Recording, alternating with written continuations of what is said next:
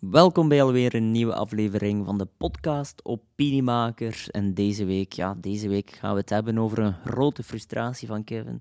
Hij, eh, ja, hij had wat problemen met de NMBS. We weten allemaal hoe uitzonderlijk dat dat is.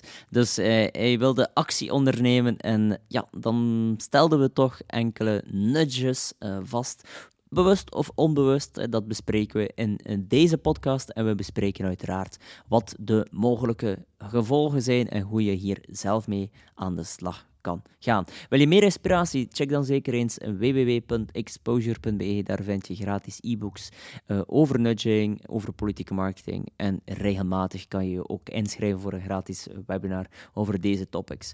Dus heel veel inspiratie gewenst en aarzel niet om ons feedback of advies te geven.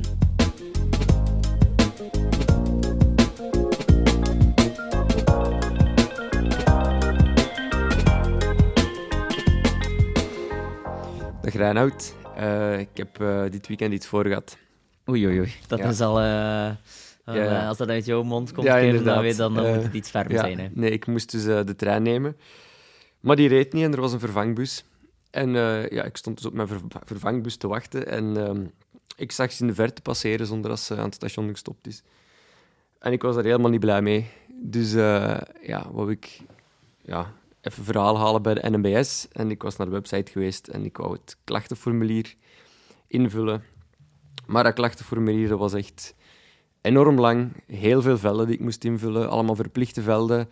Uh, ja, en, en uiteindelijk stond er ook nog een boodschap op van dat ik pas binnen 20 dagen antwoord kon ontvangen of zo. Dus uh, ja, ik vroeg me af van... Ja, ik, was, ik was er heel boos om en ik vroeg me af, hebben die dat bewust gedaan? Dat zo moeilijk gemaakt voor mij om, om klacht in te dienen. Um, ja, dat, of dat ze dat bewust gedaan hebben, daar kan, kan ik niet echt op antwoorden. Mijn, mijn ervaring zou zijn dat het niet bewust gedaan is. Mm -hmm. dat het gewoon de realiteit is. Mm -hmm. Ik kan me niet voorstellen dat zo'n zo groot bedrijf dat bewust zou doen. Dat ze bewust willen uitspelen dat ze niet bereikbaar zijn. Mm -hmm. Al dat ik ook gewoon vind dat ja, reputatiegewijs vind ik dat ook wel niet zo. De, misschien de ideale zet.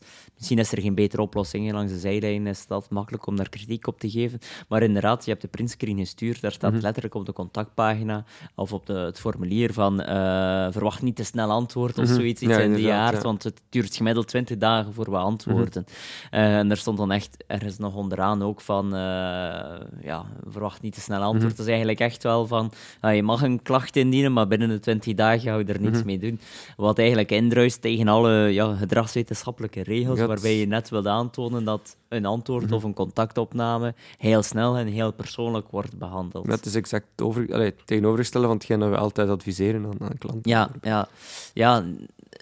Nu, of ze dat bewust doen opnieuw, Goh, ik denk het niet. Ik denk gewoon dat het de realiteit is en dat ze dan mhm. vanuit een oprechtheid proberen de klant al te zeggen van ja, we doen ons best, maar het gaat echt lang duren, we zijn onderbemand. Uh, ja, het, het, het is moeilijk. Ik denk dat het eerder dat is. Ik denk niet dat er een grote strategie achter zit. Mhm. Eh, ik denk dat het eerder gewoon uh, een eerlijkheid uit miserie is. Ja, oké. Maar het kan effectief wel dat bedrijven zoiets doen. Ja, absoluut. Er is een heel uh, vaak gebruikte techniek. vooral wat minder in Belgische bedrijven, maar vooral heel vaak bij, bij Amerikaanse mhm. digital uh, ja, bedrijven. Hè. Dan denk ik, dan moet ik onmiddellijk denken aan een van, uit onze, uh, aan een van onze voorbeelden uit de, de workshops, Dropbox. Dus uh, Dropbox die, die maken het eh, gigantisch makkelijk om een account aan te mhm. maken. Maar je moet eens proberen af te melden ja, ja, uh, van Dropbox. En dan, dan zie, krijg je 37 keer wel de vraag of je zeker bent en of dat je toch niet nog een maand wilt gratis mhm. testen en van alles en nog wat. Dus we maken eigenlijk de instroom volgens de gedragswetenschappelijke regels zo mhm. makkelijk mogelijk. En dan maken ze de uitstroom zo moeilijk mogelijk. En niet enkel, ja, ik zeg, ik zeg daarnet eigenlijk Amerikaans, maar dat is zeker niet waar als je kijkt naar bepaalde we gaan misschien geen namen noemen. Uh, maar als je kijkt naar bepaalde krantenabonnementen, mm dan is het eigenlijk degoutant mm uh, hoe moeilijk het wordt gemaakt. Uh, en dan nu met de Mastercard. Hè. Dan veel mensen zien, ja, je ah, krijgt dat je een uittreksel van je Mastercard. Of ja, je krijgt dan je, je bedrag. En dan zie je bijvoorbeeld, zeg maar eens 1000 euro van je, van je rekening Mhm. gaan. Maar dan moet je echt expliciet gaan kijken van waar komt die 1000 euro. Veel mensen stellen dat uit, vergeten het dan, een maand later weer betaald. Ja, dat is echt wel... Dat, dat, dat is degoutant en dat, dat noemen ze zo vaak ook wel eens de, ja, de dark, de dark side of nudging, hè, de dark nudges. Ja. Omdat het helemaal niet ethisch is, omdat ze bewust het afmeldproces extreem moeilijk maken om ten voordele van hen, wat ook indruist ten opzichte van een van de nudging-principes. Ja, ik wou onlangs mijn Instagram ook nog eens even verwijderen, omdat ik ja, te veel zit te scrollen en ik vond het ook gewoon nergens terug Mhm. hoe ik mijn account kon eh, deactiveren. En Ja. echt- Terwijl als je een account wil aanmaken, allemaal geen probleem. Ja, inderdaad. Maar dan, ja, geen probleem. Hè. Je kan ten alle tijden je Instagram eh, Mhm. afsluiten. Maar dan moet je echt eh 37 kamers open doen om daar ergens in een hoekje Mhm. achter de kast verstopt de afmeldknop te vinden. Hè. Zijn er zo nog situaties in commerciële setting die waar, waar zo'n dingen zou kunnen voorkomen bij klanten bijvoorbeeld? Ehm, ja, zoals eh daarnet al gezegd, het wordt heel vaak toegepast bij softwarebedrijven. Mhm. en, eh, en vooral, en daar, dat is zeker voor de luisteraar een hele belangrijke, om misschien jezelf te beschermen ook, vooral wanneer ze zo van die free trials geven. Ah, ja, heel vaak zo bij, bij software, dat zien we software agencies, ehm, die zo van die free trials geven met Mastercard, waarbij dat er een automatische betaling zit. En dan zeggen ze van binnen de zeven dagen mag je, mag je annuleren. Eh, kan je gratis ten alle tijde annuleren, of binnen de veertien dagen. Maar en, eh, ja, het wordt wel automatisch verlengd en je Mastercard gaat er dan vanaf. En dat is typisch, eh, typisch die techniek. En daar, daar zie je dan dat het heel vaak eh, extra moeilijk wordt gemaakt en, om, om af te melden. Maar ik heb ooit, het doet me eraan denken, ooit een, iets meegemaakt. Dat was echt de, de waanzin voorbij. Ehm, dat was een soort van data... het was geen fotobank, fotobank was het. Zoals dat je bijvoorbeeld, eh, hoe noem je het, die stokfoto... Ja, Shutterstock. Ja, Shutterstock, het was eh, zo'n variant daarop. Maar zij pretendeerden dat ze iets meer met een ja, uniekere AI of algoritme de foto's gaan eigenlijk gaan suggereren welke voor jou het beste zijn. En ehm, oké, ik- free trial, ik zag een eh, advertentie, ik zei, eh, we gaan de free trial doen. En dat was ook met zeven dagen, zo gratis, of veertien dagen. En dan onmiddellijk, eh, dus wel in Mastercard, en dan eh, zodanig dat het er zou afgaan. En eh, ik testte het, ja, de software of de website. En onmiddellijk zag ik ja, die, die, die beloftes van... Dus ga hier zotte, zotte, unieke foto's krijgen, dat je anders nooit krijgt qua suggesties volgens ons algoritme. Was een verkoopspraatje, dat sloeg nergens op. eh, dat was niet, niet zoveel beter. Dat was ook allee, ik kon geen goede foto's, weinig foto's. Dus dat was helemaal niet de kwaliteit dat ze pretendeerden. Dus ik wilde, wetende eh, dat dat eh, iets is dat ik zelf wel nog eens snel zou vergeten of door de drukte altijd uitstel.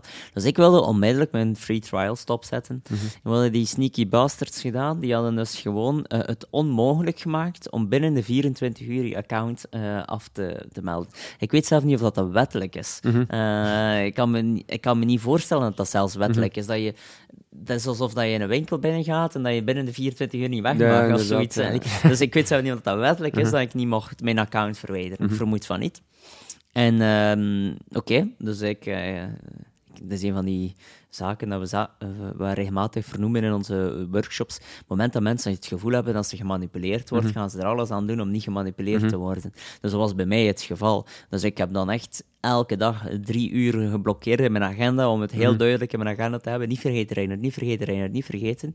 En effectief, eh, de volgende dag, dus ik wil afmelden, maar dan opnieuw, hè, die echt waar, dat was het degoutante voorbij dat ze eh, nog 37, ik overdrijf niet, het, ik overdrijf een beetje, maar het zijn er zeker meer dan 10, eh 10 vragen stelden. En telkens als je zo eh, bijvoorbeeld bij vraag 8 zat en dan vroegen ze feedback, maar hoe jouw feedback? Was het om deze reden dat je zou stoppen?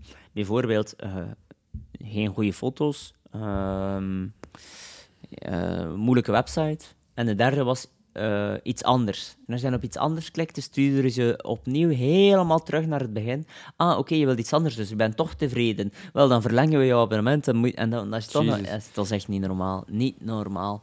Ehm, ja, ik heb dan een hele kwade mail naar hen gestuurd. Mhm. En dat ze dat ze zo zich moeten schamen. Eh, Mhm. Maar ik denk dat er niet veel mensen van wakker zullen gelegen hebben. En ik denk helaas dat er heel veel mensen wel extra of te veel Mhm. zullen betaald hebben. En dus ehm, ja, daar, eh, daar zou toch iets moeten komen. En misschien Kev, moeten wij dat engagement opnemen om daar Ja. iets mee te doen of zo. Ja. Eh, misschien moeten we daarnaast deze podcast, met dat ik het nu nog zo zeg, nog eens over eh, het eens over hebben. Misschien moeten we er zoiets, ja, zoiets van, eh hoe noemt het weer in het Engels? Zo. Nee, exposen, hè? het past wel, Ja, exposure, ja, het past bij onze naam. Hè? Ja. Misschien moeten we zoiets, nog iets doen eh, rond onze naam en exposen van, van bedrijven die echt op de degotante manier... Dark eh, ja, exposen, ja. En er is niets mis met een beetje, ja, wat we soms zeggen, die dichterlijke vrijheid. Er is niets mis mee dat je als marketeer eh, een, een beetje, ja, zaken verbloemt, laten we het zo zeggen. dus je zegt in plaats van meest gekozen, veel gekozen. Omdat dat bijvoorbeeld je vierde meest gekozen product is, dan zeg je niet meest gekozen, maar dan zeg je wel veel gekozen. Ja, dat is veel gekozen, geeft het zo'n gevoel van social proof. Ja, dat is ook wat subjectief. Ja, dat is zo zo'n beetje de grijze zone. Dat, ah, dat, dat kan wel, vind ik. Maar als zij dat toegepast hebben, en hoe dat bijvoorbeeld Belgische kranten eh, dat toepassen, Ja, het is, ja, eh, daar is het wel misschien tijd voor de Dark. Nudges exposed.be of zoiets. Eh. want op die manier geven de mensen nog altijd een vrije keuze, maar als je ze dan effectief gaat gijzelen om hun abonnement op te ja, ja, dat is echt een goed woord, gijzelen. Ja, absoluut. Ja. En, en ja, als ik het goed begrijp, de, de, het draait vooral om de processing fluency. Dan, dus de, de verwerkingssnelheid die je dan gaat tegenwerken eigenlijk. Ja. In, in- ja. Ja, zoals we als gouden regel eh, vermelden in onze eh, ja, adviestrajecten en, en workshops, dus maak het altijd zo makkelijk mogelijk. Ja. En hebben ze hier het tegenovergestelde gedaan, dus wat we, willen we niet. Dus dan gaan ze het zo moeilijk mogelijk maken. Nu, dat, we zeggen dat nu wel in een negatieve context, maar er wordt ook veel, veel, effectief veel toegepast. Hè. Mhm. Eh, bijvoorbeeld een... in, in eh, bedrijfsrestaurants zou je kunnen zeggen van we gaan de ongezonde voeding of de ongezonde optie een moeilijkere optie maken. Ehm, dat zou bijvoorbeeld kunnen zijn dat je de standaard optie, eh, ook wel de default option, de vegetarische optie Ja. eh, gebruikt. En dat je bijvoorbeeld de biefstuk friet, die je in, in sommige bedrijfsrestaurants dagelijks te krijgen zijn, dat je die bijvoorbeeld enkel maar mogelijk maakt als je op voorhand bestelt of op voorhand reserveert. Dan heb je nog altijd de keuzevrijheid om biefstuk friet te bestellen. Maar je moet op voorhand, voor 11 uur bijvoorbeeld, dat eh, registreren of reserveren. Dan maak je het iets moeilijker. eh, maar heb je wel ten goede gedaan. Ja. En dat is een groot verschil. Je doet het ten goede van de, eh, van de persoon.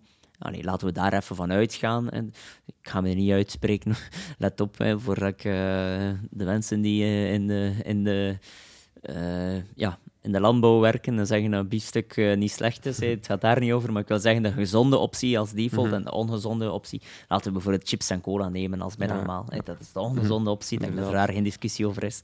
Dat we daar dan dat als reservatie eh, mogelijk maken, maar niet eh, per keuze standaard in een bedrijfsrestaurant. Ja. Dan heb je eigenlijk wel nog altijd keuzevrijheid, kun je nog altijd kiezen wat je wilt, maar je maakt de ongezonde optie wel iets moeilijker. Ja, creëert een extra tussenstap eigenlijk. Exact. Ja, oké. Ja. En dan zien we ook wel in verschillende studies dat dat een impact heeft op het voedingspatroon, bijvoorbeeld. De mensen kiezen altijd de gemakkelijke weg meestal. Ja, ja, ja. en dat is ook... eh, we hebben makkelijk liever dan moeilijk. Ja, oké. Alright, bedankt Reinoud. Dit was eh, heel interessant.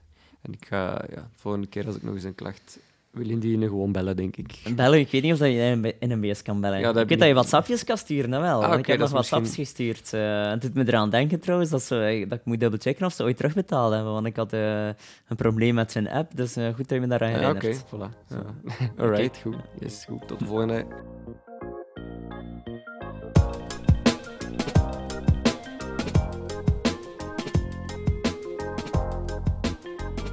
Hopelijk vonden jullie eh, het ook zo boeiend. Dus als jullie de volgende keer nog wat issues hebben met een trein die vertraging heeft of een trein die is eh, stopgezet, dan weet je, contacteer zeker niet eh, de, het contactformulier of ga zeker niet op zoek naar het contactformulier, want je moet toch wel 20 dagen wachten. Nu, eh, we zien dus dat sommige bedrijven dat ook toepassen. Ga zeker niet eh, diezelfde weg inslaan, dus ga niet die dark nudges toepassen. Doe het vanwege een positieve ingesteldheid. Doe het voor, voor ten goede van jouw doelgroep, ten goede van de consument, ten goede van de klant. En dan maken we weer een beetje een betere wereld. Dus met deze filosofische, uh, met dit filosofisch einde wil ik afronden, maar toch misschien nog iets commercieel refereren naar onze website www.exposure.be, want daar vind je gratis e-books en heel wat opportuniteiten om nieuwe kennis te verzamelen omtrent gedragswetenschappen en politieke marketing.